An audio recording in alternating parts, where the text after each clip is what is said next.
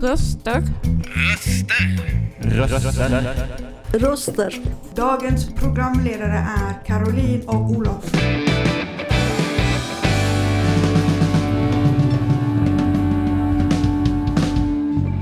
Dina röster i vardagen. Hej och välkomna till dagens eh, Fontänhuspodd. Det är alltså den 8 maj 2023 och solen skiner.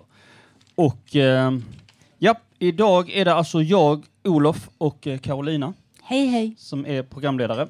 Och eh, vi har en eh, vi har faktiskt vi har en specialare idag eftersom vi brukar köra på torsdagar. Eh, men, eh, men eftersom vi har en gäst här idag som är inbjuden så, så gör vi ett undantag den här måndagen och det är alltså Louise Meyer eh, som är jurist och politiker från Moderaterna och, och som sedan 2018 är riksdagsledamot i justitieutskottet. Ja, det är väl eh, så vi ska göra. Vi ska ställa lite frågor och, eh, och kolla lite grann vem, vem hon är och vad hon har beslutat om och vad hon, vad hon tycker i olika frågor. Mm. Och, eh, men så tänker jag att vi, vi börjar med att köra på eh, kvällens första, eh, eller eftermiddagens första låt.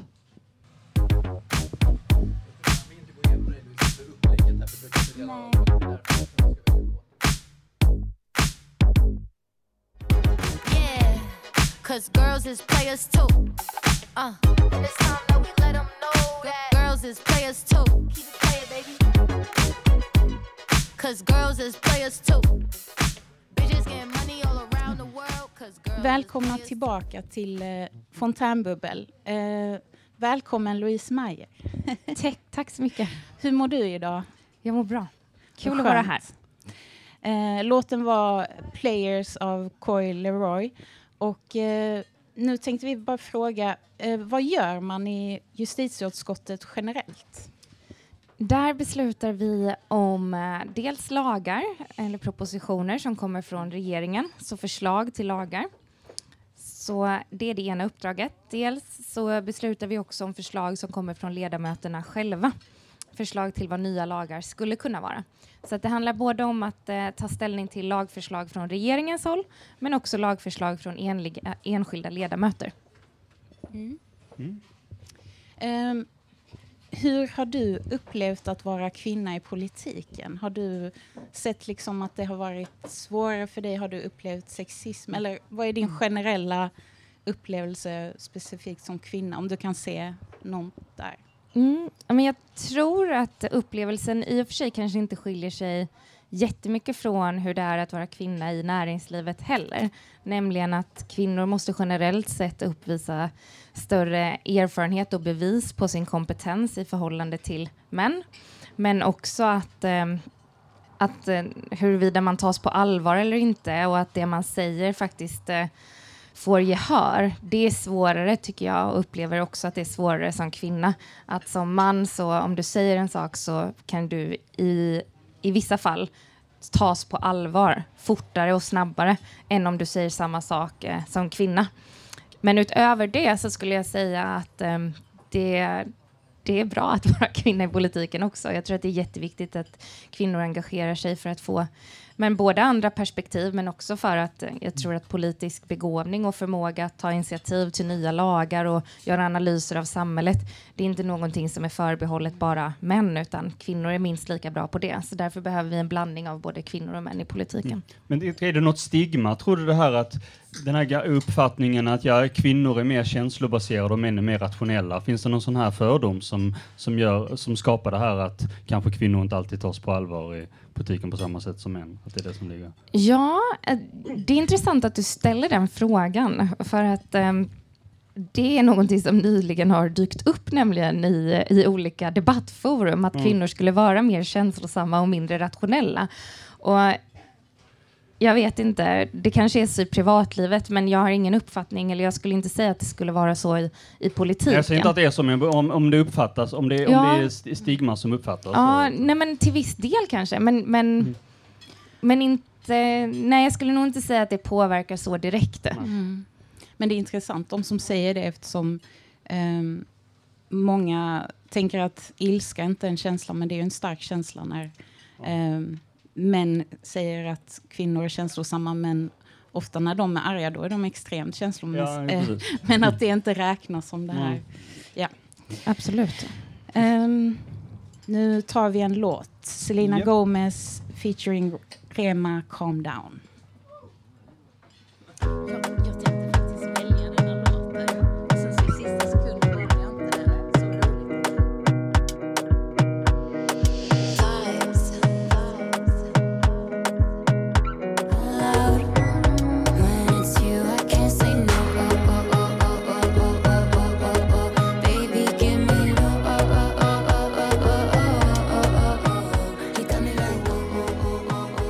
Ja, vi hörde Calm Down. Och detta var en låt som Louise valde. Eh, finns det någon speciell anledning varför du valde den? Eller? Jag tycker den är väldigt bra. Ja.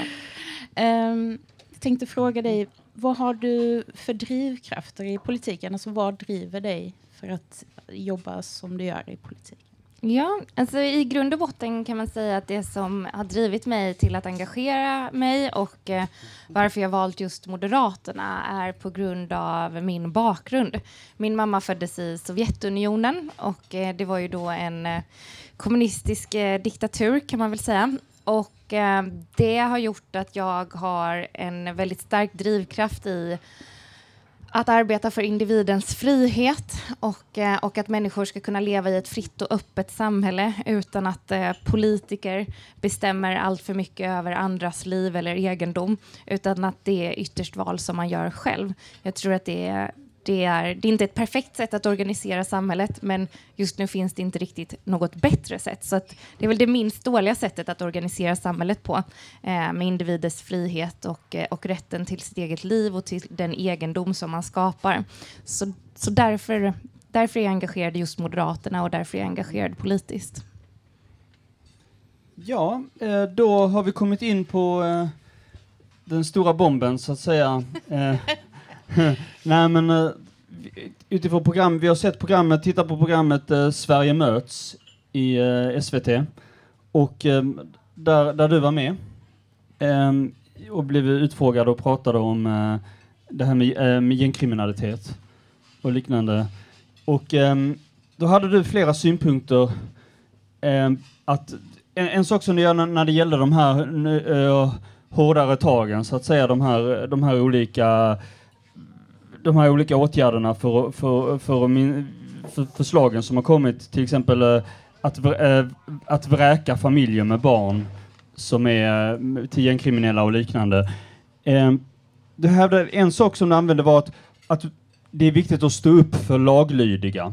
Men eh, många är ju laglydiga, även de som har även, om, även om man har, kanske har fel anhörig så sänder det en konstig signal eftersom då är man ju, då är man ju om man själv är laglydig och ändå blir utskickad på grund av att man har en släkting eller någon som, eh, som går, eller en bror eller vad det är som, som har gjort någonting, då, är det ju inte, då gäller det ju inte dem, då gäller det ju bara vissa människor, de som är lite längre bort. Inte, inte de som sitter fast i det. Kan du svara på det? Ja, nej men det här är en jättebra fråga och relevant fråga och det var också det vi diskuterade i programmet. Det handlar ju om ett förslag från moderatledda regeringen och Tidöpartierna. Det är ju Moderaterna, Sverigedemokraterna, Liberalerna och Kristdemokraterna som har kommit, kommit överens om ett politiskt program för Sverige de kommande åren av den här mandatperioden. Det är tre år kvar. Och ett förslag i det politiska programmet är att man ska kunna vräka föräldrar till gängkriminella barn. Och det har blivit väldigt uppmärksammat och kontroversiellt. Och eh, då har jag fått frågan här, men också tidigare, hur jag kan ställa mig bakom det förslaget och försvara det förslaget. Och för mig så handlar det om några viktiga utgångspunkter. Det första är att de allra flesta i Sverige som inte bor i utsatta områden, i särskilt utsatta områden, utanförskapsområden, de kan flytta om de bor granne med en person som är kriminell, om de är grannar med någon som är stökig, som de upplever som problem eller liknande. Då tar de sitt pick och pack och flyttar till ett annat område. För det är så personer som har resurser och pengar gör. Om man bor i ett utanförskapsområde så är det väldigt vanligt att man bor i en hyresrätt och att man inte har så mycket pengar.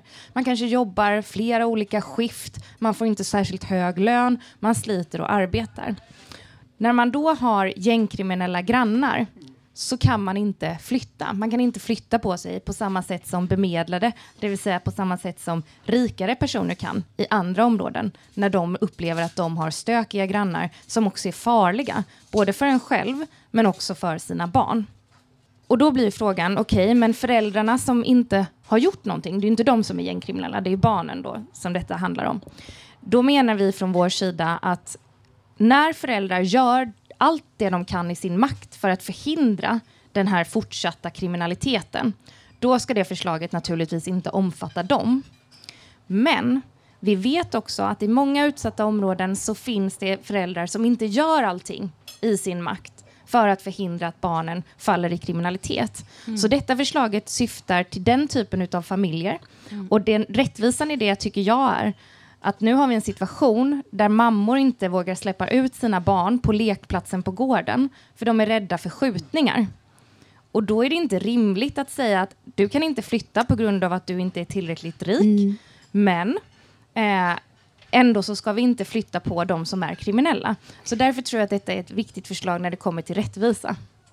Jag kan bara prata utifrån min erfarenhet. Um, när jag var i högstadiet så hamnade jag lite i fel sällskap kan man säga. Och eh, mina föräldrar visste ju ingenting. De visste att jag hade lite mer livfulla vänner än tidigare, men de fattade ingenting. Och eh, min mamma var en extremt engagerad förälder. Till exempel när jag var, blev deprimerad när jag var 14 så ringde hon BUP tio gånger i veckan för att försöka få tid. Eh, och det var ju långa vänteköer och Um, till slut fick hon hitta en privat läkare fast hon inte kanske hade råd för det. Um, men i alla fall, så när jag började ta droger så märkte inte min mamma det, för jag hade alltid ursäkter. Till exempel, ah, jag har pollenallergi så mina ögon är konstiga, eller jag är jättetrött. Uh, och det tog ju lång tid innan hon märkte det, för att speciellt missbrukare är jättebra på att dölja saker, eller kriminella. Och jag hade ju vänner som var i typ gängmiljön, men, ehm, och deras föräldrar visste ingenting heller förrän något allvarligt hände. Men tanken av att min mamma som var så engagerad, att hon skulle se som att hon inte... Förstår du vad jag menar? Mm, jag, jag förstår verkligen. Och jag skulle väl säga att ditt exempel är ju precis ett exempel på där detta förslaget inte kommer att omfatta. Alltså förslaget kommer inte omfatta föräldrar som inte vet eller som faktiskt gör saker, kontaktar BUP, kontaktar socialtjänsten, försöker få sina barn ut ur kriminalitet. Förslaget kommer inte omfatta dem, utan detta förslaget riktar sig kanske i, eller riktar sig i större utsträckning eller framför allt till föräldrar vars, eh, vars barn är indragna i gängkriminalitet eller aktivt är delar av gängkrim, ett, ett kriminellt nätverk, mm. men där de inte gör någonting. Vi har ett exempel från Malmö, jag ska bara säga det, att vi har ett, ett exempel från Malmö där en familj, två föräldrar, bor med sina vuxna söner i en lägenhet. Lägenheten har blivit beskjuten vid fyra tillfällen. Vid ett tillfälle så låg det en bomb utanför lägenheten som en mamma och små barn gick förbi.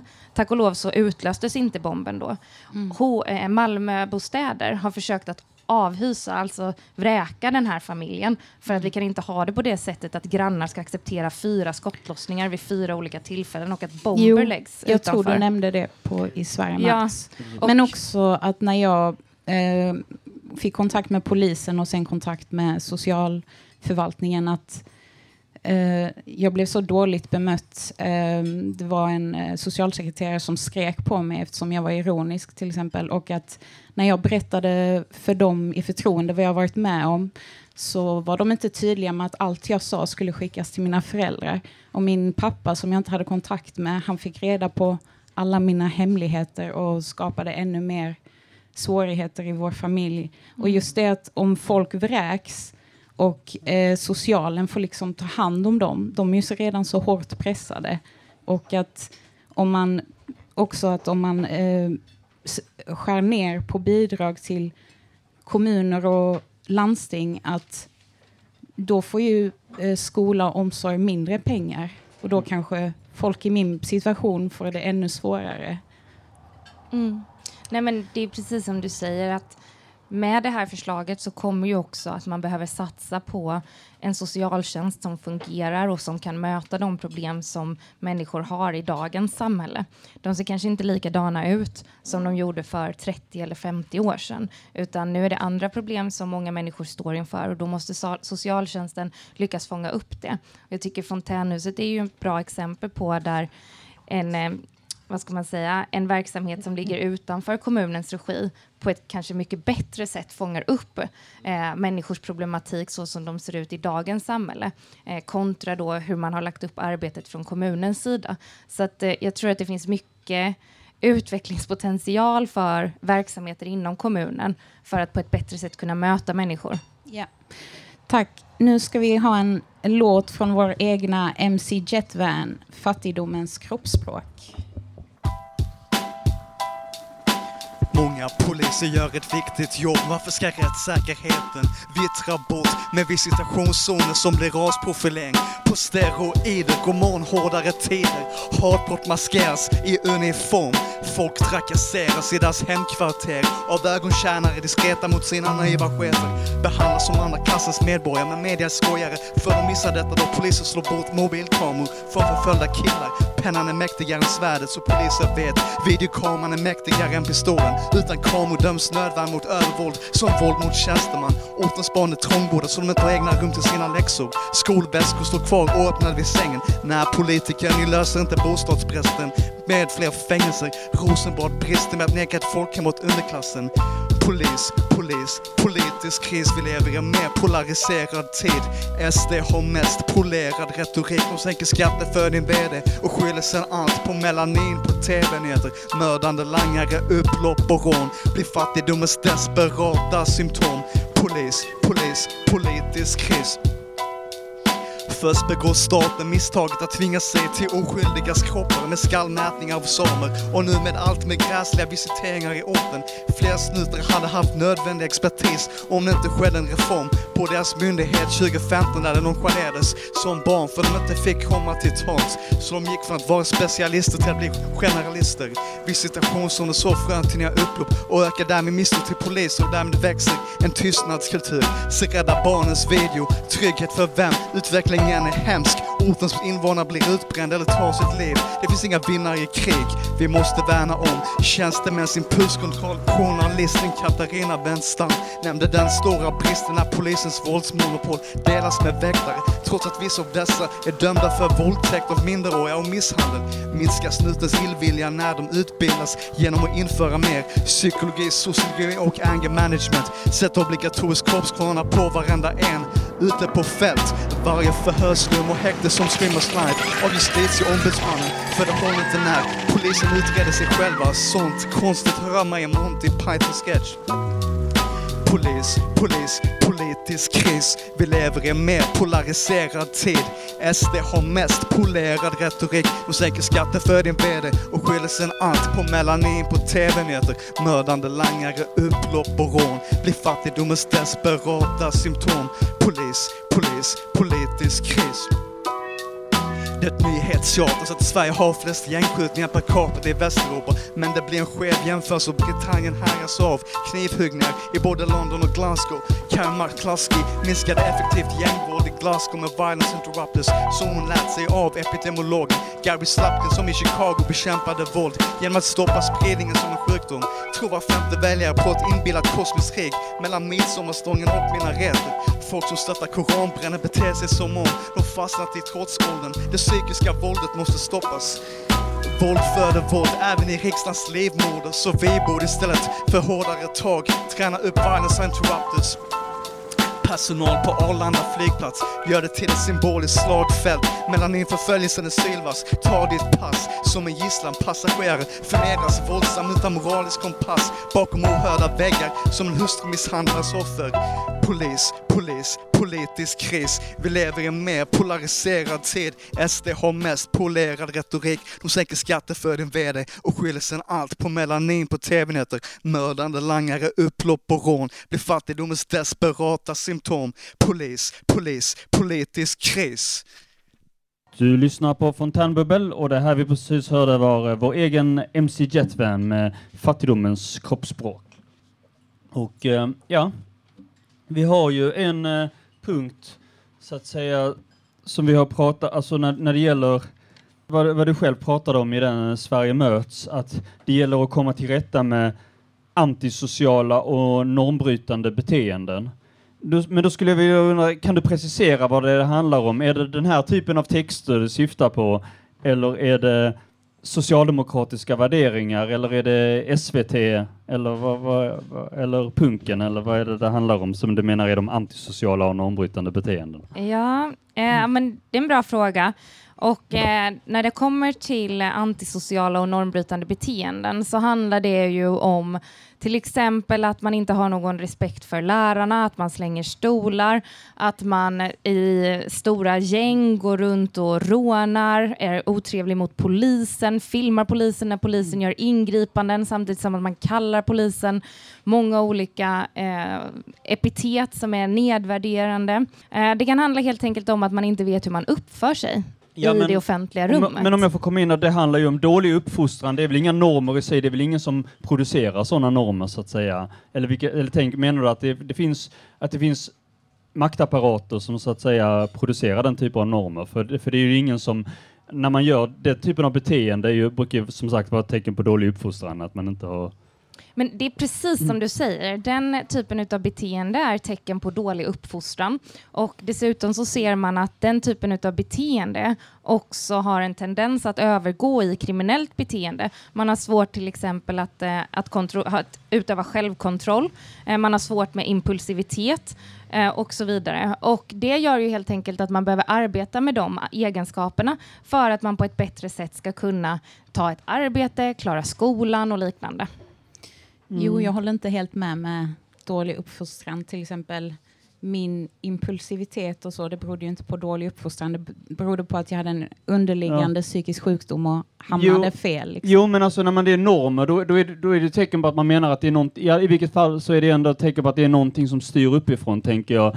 Nå- Att det är, no- det är någon som producerar en viss typ av normer. Så det, men att, att, vara i, att hamna i en, i en jobbig situation eller ha eller ha, ha sådana beteende, det är ju inte direkt någonting som, det är ju inifrån en själv, det är ju inte det, då är ju så att säga normer, tycker jag, då är det ju någonting som produceras från högre, så att säga, att det, man förväntar att, att, eh, att Vad som är normalt. Eh, Ja, att jag uppfattade, jag uppfattade det som att du menar att det var någon dekadens som gjorde att, att vissa hamnar i den typen av beteende. Och Mm. då tänker jag, Mm, Ja, både och. Det man kan säga med normbrytande är ju att de normerna ja. som Sveriges samhälle och som vi här i Sverige har, de utvecklas genom moral, värderingar som i sin tur kommer till uttryck genom lagtext Mm. och lagar som vi beslutar om i riksdagen.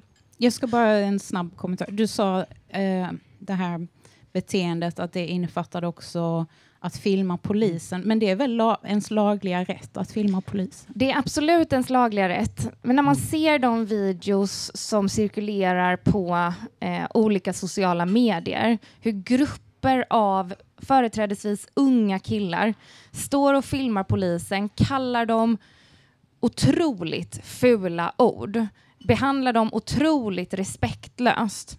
Det är inte olagligt, men det är normbrytande och det är antisocialt. Det är oftast inte så man beter sig mot en Nej. polis. Och eh, det jag skulle vilja poängtera också, en, en polis som heter eh, Mustafa Panshiri, han eh, är numera föreläsare. Han var med om att i sitt bostadsområde så sprang det runt ett gäng killar och sparkade och slog på grannarnas dörrar. Och grannarna blev väldigt rädda och otrygga av det här beteendet att killarna i, i grannskapet gjorde på detta sättet. Och en kväll så fick han tag på de här killarna, han sprang, sprang efter dem och stannade dem och sa så här, nu får ni sluta upp med det här. Eh, och då sa de, vem fan är du? Och då sa han så här, nej men jag är faktiskt till och med polis, så att jag rekommenderar er att ni slutar med det här. Och då säger de, då avfärdar de honom helt och säger så här, ja, men jag vill inte uttrycka exakt de orden som de sa, Mm. men pratar till honom på ett sätt som överhuvudtaget visar på noll tolerans. Jo. Eh, Och det är ett normbrytande beteende som vi ser mer av i dagens samhälle. Och det banar väg för att dras in i gängkriminalitet och lagbrytande beteende på ett sätt som vi behöver stoppa. Men också så kan man vända på det att jag har sett väldigt många videos där man filmar polisen och polisen ifrågasätter personen som filmar. Varför, vad håller du på med? Du får inte. Och kalla dem fula ord. Liksom. Det är kanske mer en del av normen än normbrytande beteende. det vet man inte. Men eh, att när, när man ser sådana här videos där polisen eh, kallar eh, eh, den unga killen rasistiska ord och, och så vidare. Det, det kan väl också leda till det här föraktet mot polisen om man har dåliga upplevelser. Liksom. Ja, och därför tror jag att det är så otroligt viktigt att polisen, särskilt i områden där förtroendet för polisen bland unga killar inte är särskilt högt, där måste polisen till 100 procent, punkt och pricka, bete sig korrekt. Alltid. För att på så sätt så kan man undvika att öka klyftan mellan invånarna och polisen. Så jag tror att det är otroligt viktigt att polisen alltid beter sig 100 procent korrekt, särskilt i utsatta områden, för att kunna öka förtroendet där för myndigheterna och polisen. Tack. Tack. Ehm, ja, eh, nu, nu har vi en annan, eh, ett, en annan punkt. Eh, vi kommer komma tillbaka till en del av de här frågorna som vi har pratat om, så det är inte så att vi sätter, sätter en punkt sätter punkt för just frågan. men, men, vi tänkte, men, men eh, vi tänkte mer gå in på just nu eh, de här så att säga, de, de, den eh, artikel som du, du själv skrev i eh, Göteborgspreste, Göte, Göteborgsposten eh, med, med titeln Det är inte fattigdom eller klassklyftor som orsakar kriminalitet. Och, och, det, är, det handlar då om eh, Brås eh, rapport. Och, och det, vad den menar så att säga eh, jag vet ju inte om du hade läst hela eller om du har läst ett sammandrag, det vet jag inte, men eh, den har egentligen ingen tvärsäker slutsats. Den, här, den, den menar att självrapportstudier, det, det ger en splittrad bild, att det, finns, att det finns ett svagt samband så att säga mellan socioekonomisk bakgrund och brottslighet. Eh, det, det står ju så, sambandets svaghet speglar en relativt många personer oavsett socioekonomisk bakgrund. Nå, någon gång begår åtminstone något enstaka brott, i synnerhet under ungdomsåren, eh, samtidigt som majoriteten av personer från hem med sämre socioekonomiska förutsättningar inte blir mer kriminella än personer med välbärgade hem. Men, eh, men det står ju samtidigt att eh, ett, även ett svagt samband innebär att andelen som begår brott kan variera stort mellan grupperna med de sämsta respektive de mest gynnsamma socioekonomiska förutsättningarna. Och där är det studier som visar att risken att lagföras för brott är betydligt högre bland kvinnor och män bland de, från de mest socioekonomiska missgynnade bakgrundsförhållandena jämfört med kvinnor och män från familjerna med högst inkomst. Och det, och det står också socioekonomisk bakgrund är viktig att beaktar vi pre- preventiva strategier. Och, det och, och de menar att eh, flera indikationer på bristande socioekonomiska resurser hos familjen under uppväxten tillsammans med etablerade riskfaktorer för brott bör beaktas vid utformandet av preventiva strategier. Och det handlar på ett mer övergripande plan att motverka att det sker en koncentration av hushåll med svaga socioekonomiska resurser till vissa typer av bostadsområden. Är inte det här ett tecken ändå på att det är var det inte ditt uttalande lite väl tvärsäkert då att det, det beror, det, gängkriminalitet beror inte på socioekonomiska faktorer, eller det finns inget samband? En, men, en, det som jag argumenterar för är att fattigdom orsakar inte att en individ begår brott. Alla som är fattiga begår inte brott. Nej, men Det är det, någon som, är det någon som säger det egentligen? Ja, fast om man tänker att det finns ett direkt samband, vilket det Mm. inte gör, då styr det också hur politiken ska lägga upp sitt arbete för att minska kriminaliteten. Och det vi argumenterar för är att forskningen, Mm. bland annat med Brås rapport, menar att det finns ett svagt samband mellan fattigdom och kriminalitet. Det finns ett starkare samband mellan individegenskaper och föräldraförmåga och kriminalitet.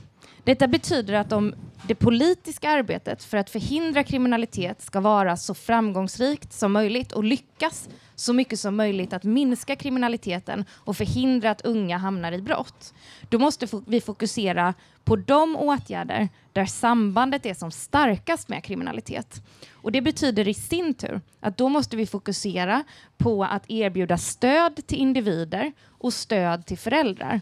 För att den typen av förebyggande insatser kommer i högre utsträckning lyckas förhindra kriminalitet snarare än att man tror att generella reformer för att till exempel öka bidragen eller liknande skulle förhindra kriminalitet. Det är alltså inte ett lika träffsäkert verktyg. Men, Så det är det det inte, men är det inte så i fattiga områden att det är där eh, de här visitationsgrejerna och ehm, ökade eh, kameror alltid är?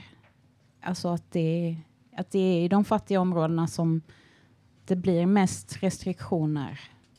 Eh, till exempel förorter till Stockholm och så. Mm, jag förstår vad du menar. Jag, jag skulle inte beskriva det som restriktioner. Jag skulle säga att i vissa områden i delar av Sverige, också kallade utanförskapsområden, särskilt utsatta områden, där är tryggheten väldigt mycket sämre och utsattheten för brott väldigt mycket högre än om du jämför med till exempel Professorstan här i Lund. Men är inte det då ett samband? Jo, det, det gör ju att det finns en orättvisa inbyggd i hur tryggheten är fördelad i Sverige. Men det gör inte nödvändigtvis att sambandet är starkt mellan resurssvagheten och kriminaliteten. Det finns ett samband, absolut, precis som du säger, det är uppenbart för alla. Men frågan är vilket samband är så pass starkt att man kan sätta in politiska åtgärder för att få så bra resultat som möjligt. Eh, Och där tror vi att det behövs ett skifte. Att man kan arbeta mer resultatfokuserat. Om man arbetar till exempel med individstödsprogram, ni vet Komet, det finns eh, Ja, Komet är ett exempel på sådant. Det finns också andra typer av föräldrastödsprogram som man skulle kunna, eh, kunna titta på och implementera i mycket högre utsträckning i svensk socialtjänst. Men det finns också andra typer av mentorskapsprogram som finns i USA till exempel. Becoming a man är rätt så utbrett i USA. Vi har inte riktigt något liknande här i Sverige för hur man kan se till så att unga killar i särskilt utsatta områden får förebilder, vet hur man skriver ett CV, får kontakter som de annars inte har och liknande, men som kanske folk och barn i professorstaden får naturligt hemifrån. Det blir också en orättvisa. Då borde man väl satsa mer pengar på fritidsgårdar och fotbollsföreningar etc. i de områdena, liksom, så att barn får bra förebilder i skolan etc. Ja, men jag tror att det här slentrianmässiga, att säga så här, ja men då behöver vi bara satsa mer pengar på till exempel fritidsgårdar. Där måste ju vi som fördelar resurserna, och resurserna är ju begränsade, alltså pengarna är ju begränsade. Då måste vi se, okej men hur ser vi till att de pengarna vi har får så stor påverkan positivt som möjligt. Och då har man sett till exempel fritidsgårdar att i vissa fall bidrar fritidsgårdar till otroligt meningsfulla aktiviteter. Man kan jämföra med fontänhuset här. Man har olika grupp och områdesindelningar, man kan lägga upp scheman, man kan själv vara ansvarig för sin verksamhet.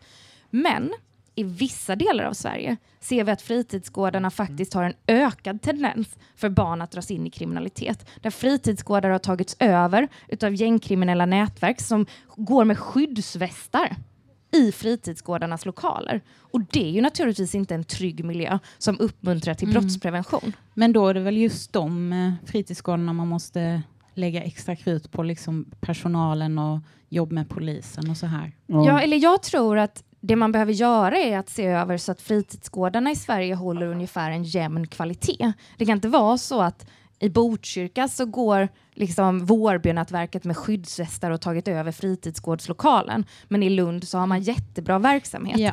Utan vi måste se till att ha en jämlik kvalitet över hela landet och då behöver vi styra det från politiskt håll.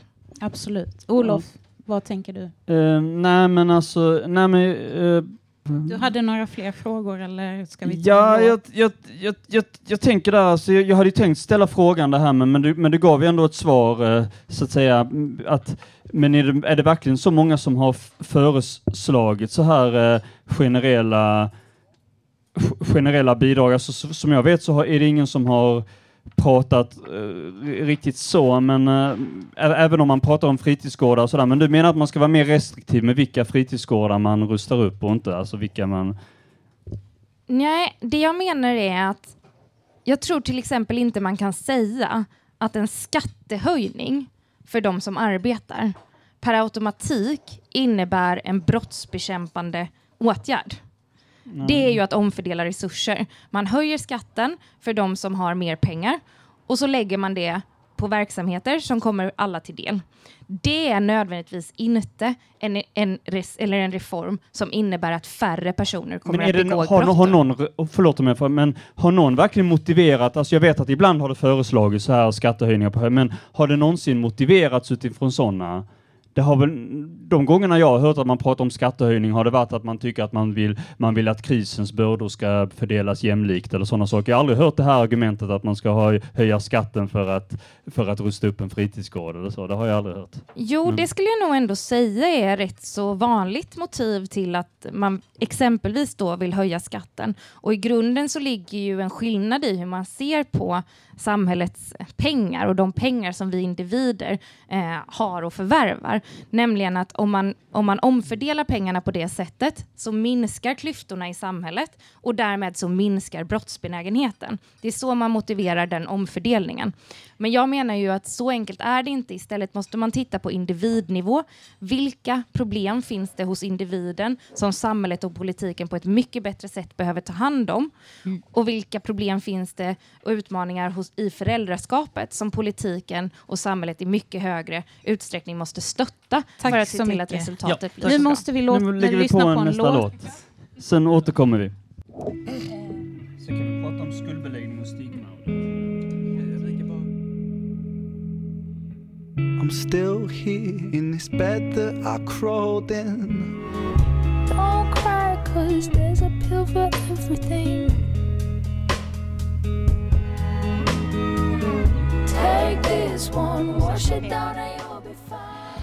Det var eh, Chalk Outlines av Ren och Chinchilla. Eh, vi tänkte byta fokus nu till Tidö, Tidöavtalet.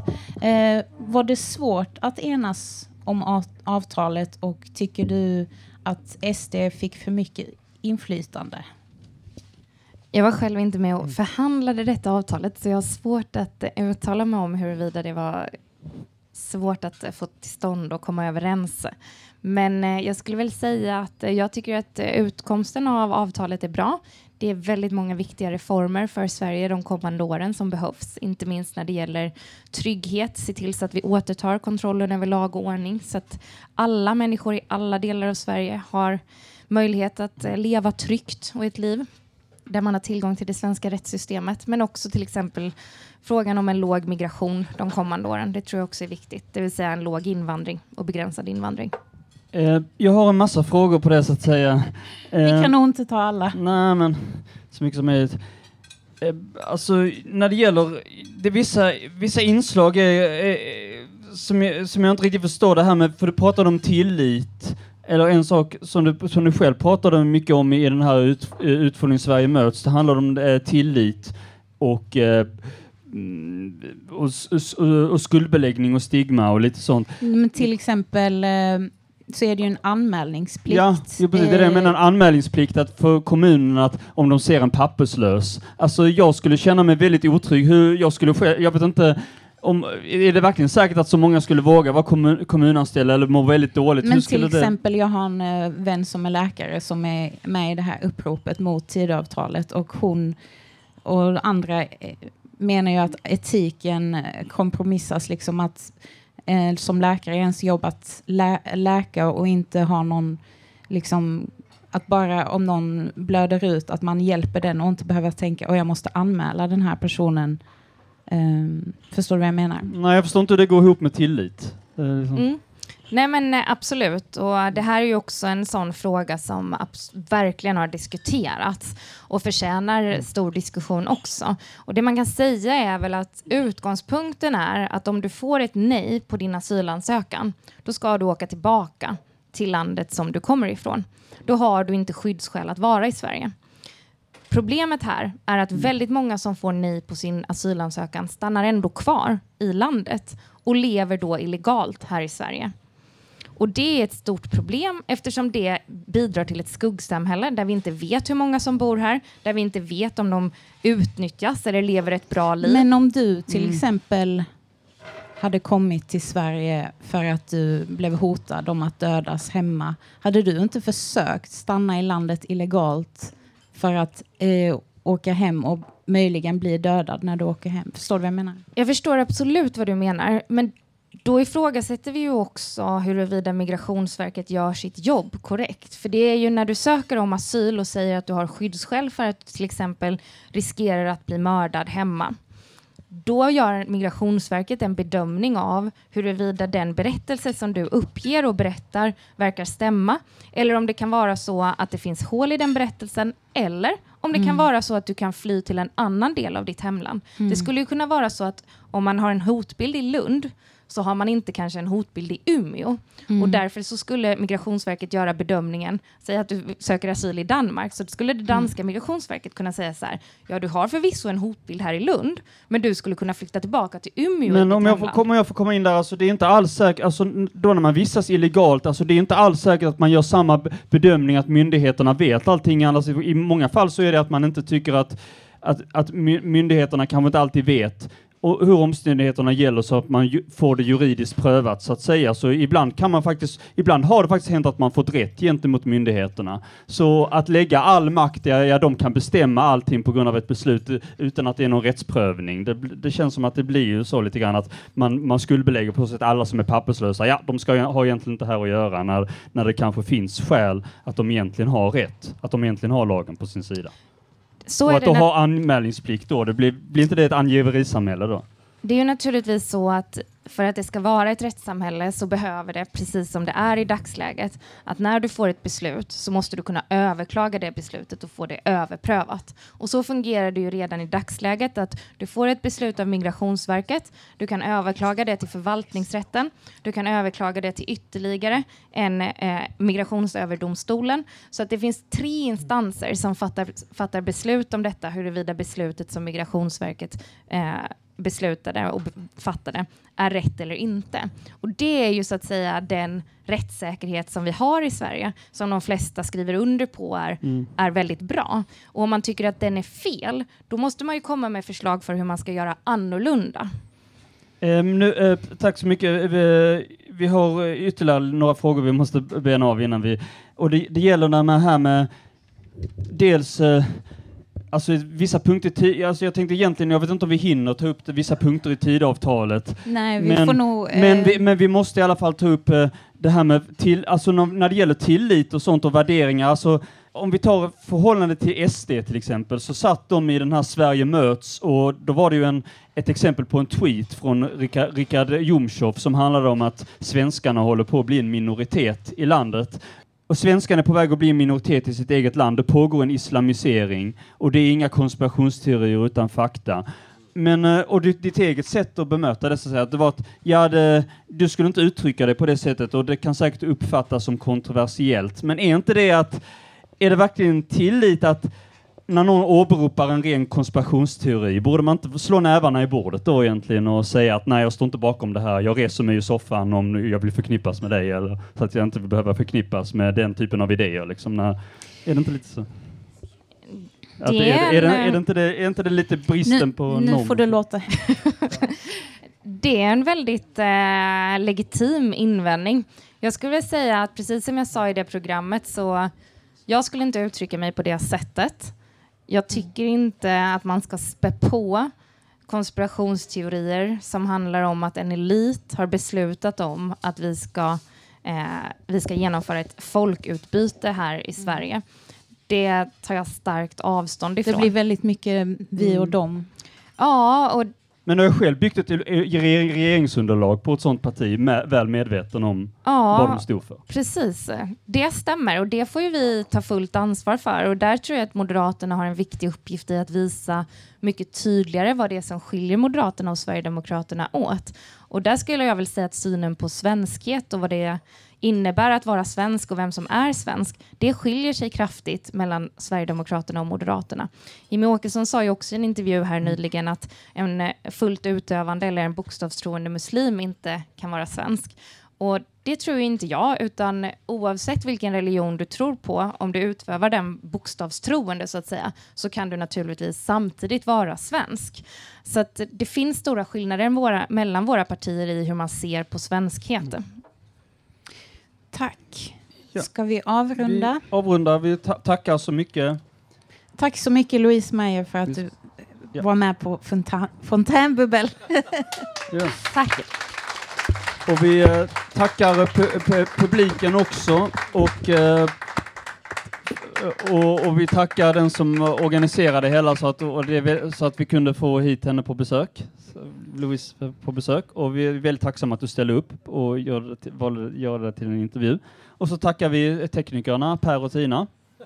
Och eh, jag hoppas ni får resten, får en fortsatt bra vecka så återkommer vi med en ny podd snart igen. Nu lägger vi på eh, eftermiddagens sista låt. Och jag om jag inte har fel missminne så är det lå- låt Q So. Q, Q So. eller? Artisten Q låt så. Hej då! Hej då.